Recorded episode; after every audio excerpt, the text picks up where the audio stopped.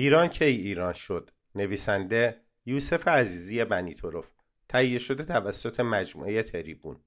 نام ایران برای نخستین بار در عهد ساسانیان مطرح شد که در مقابلش انیران جای داشت و هر دو منطقه تابع امپراتوری ساسانی بودند.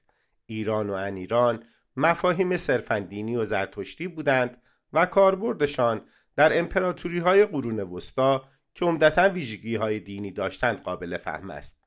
لذا نامواژه ایران در آن روزگار حامل هیچ گونه دلالت های قومی و نژادی نبود و تنها در صده های 19 و 20 بود که شرق شناسان اروپایی مفهوم سیاسی ناسیونالیستی و نژادی را بار آن کردند و مورخان ایرانی در قرن بیستم آن را از اروپاییان گرفتند و به نظر می رسد که یونانیان نخستین بار نام پرشیا را درباره ایران کنونی به کار گرفتند. در واقع از زمانی که تماس یونانیان با ایران آغاز شد و آنان قبرهای شاهان هخامنشی را در پارس یا استان فارس کنونی دیدند نام پرشیا را بر آن نهادند.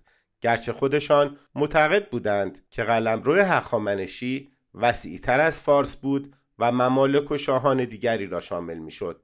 به نظر می رسد که عرب ها و مسلمانان نام بلاد فارس را از یونانیان گرفته باشند. پس از فتوحات اسلامی و فروپاشی دولت ساسانی نام ایران معنای خود را از دست داد خاندانهای عرب اوموی و سپس عباسی بر بلاد فارس یا همان پرشیا چیره شدند و عربها تا مارس 1314 ایران را به همین نام می شناختند. در واقع نام ایران از قرن هفتم تا قرن شانزدهم میلادی به مدت 900 سال تقریبا ناپدید شد. به عنوان مثال ما نام ایران را در کتاب تاریخ جهانگشا که یکی از مهمترین کتابهای تاریخ ایران است نمی بینیم. معلف این کتاب سجلدی عطا ملک جوینی است که آن را در قرن هفتم هجری تعلیف کرده و درباره وضع سیاسی و اجتماعی دوران حاکمان مغول و خارسب شاهیان و اسماعیلیان و درباره سرزمینی است که اکنون ایران نامیده می شود اما معلف در هیچ جای کتاب نامی از ایران نبرده است. نام ایران محدود به های جغرافیایی و ادبی بود که در آثار شاعرانی چون نظامی گنجوی و دقیقی و فردوسی می‌بینیم. اما همین فردوسی نیز در کتاب شاهنامه خود توصیفی از ایران ارائه می دهد که با ایران کنونی تفاوت دارد. در دوران خاندان صفوی که ملیگرایان ایرانی آن را نقطه آغازین بازیابی دولت ملی ایران به شمار میآورند دولت صفویه را به نام ایران نمی شناختند و حتی خود شاهان صفوی که بیش از 220 سال حکومت کردند از این نام استفاده نمی کردند. باقر صدرینیا در جستاری در فصلنامه ایران شناخت می نویسد به گواهی اسناد و متون تاریخی اصطلاح ممالک محروسه در عصر صفوی نیز به عنوان یک اصطلاح رسمی رواج داشته است. در یک قرارداد بازمانده از این دوره که در زمان شاه عباس اول میان ایران و انگلیس منعقد شده است و ظاهرا نخستین قراردادی است که مواد و موارد مختلف آن به شیوه نوشته های غربی از هم تفکیک شده است 19 بار اصطلاح ممالک محروسه در عنوان مقدمه و بندهای بیستگانه به کار رفته است.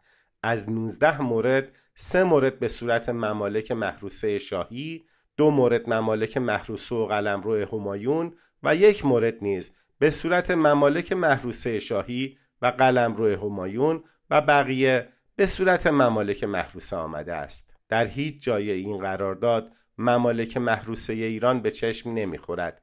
در حقیقت به جای ایران از ممالک محروسه استفاده شده است و در هیچ بخش و بند آن از ایران نامی برده نشده است متن پیشنویس این قرارداد در یک مجموعه خطی به شماره 5032 در کتابخانه مجلس شورای ملی نگهداری می شود.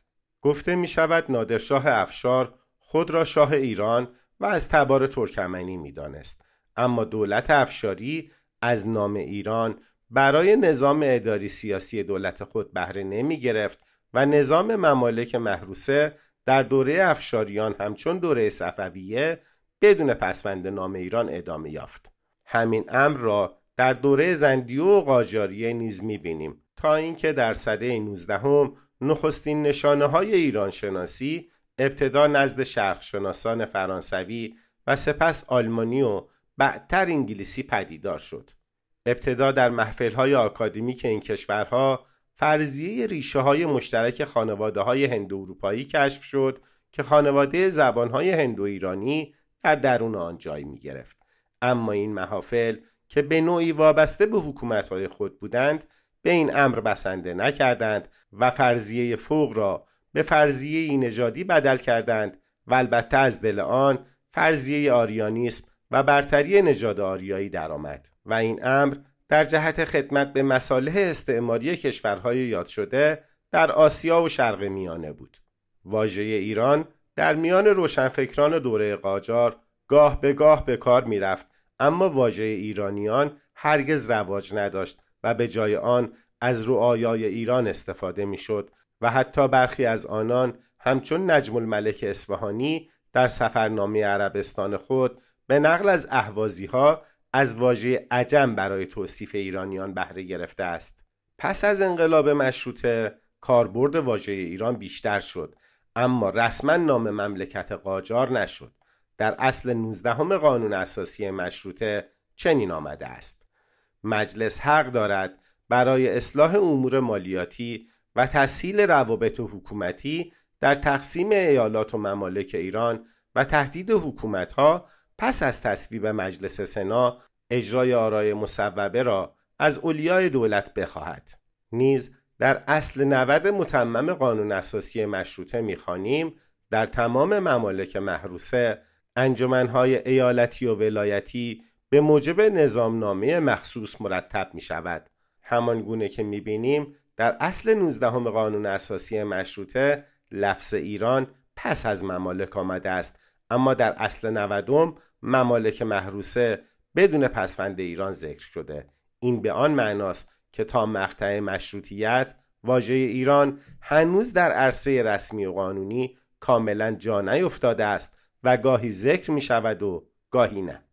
در قانون اساسی مشروطه نامواژه ایران فقط دو بار و در متمم آن پنج بار ذکر شده است و در مجموع هفت بار در قانون اساسی مشروطه و متمم آن ذکر شده.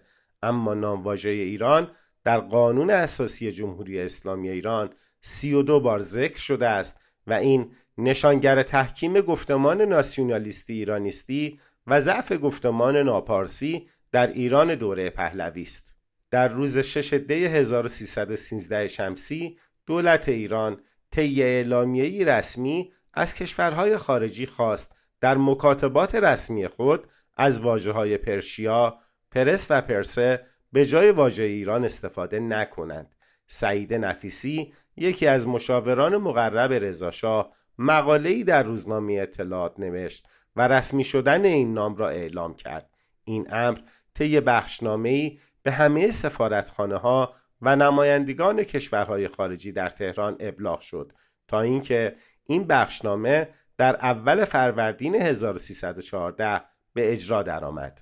بررسی هر دو نام پرشیا و ایران نشان می دهد که هر دو نام بیانگر هویت متنوع و متکثر درون آن نبوده است.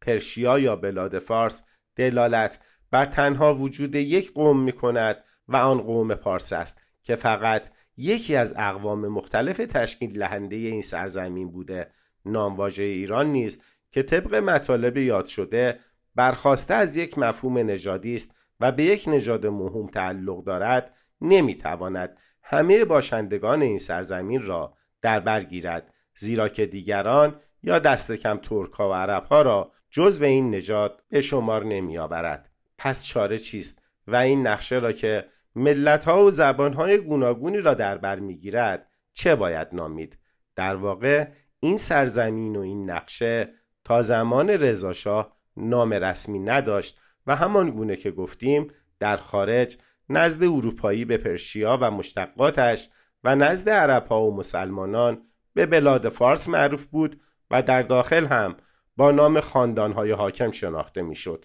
اکنون نیز نه تنها همه معلفه های ملی ساکن در این سرزمین باید درباره محتوا و نظام سیاسی آن تصمیم بگیرند بلکه آنها باید درباره نام و نشان آن نیز نظر دهند.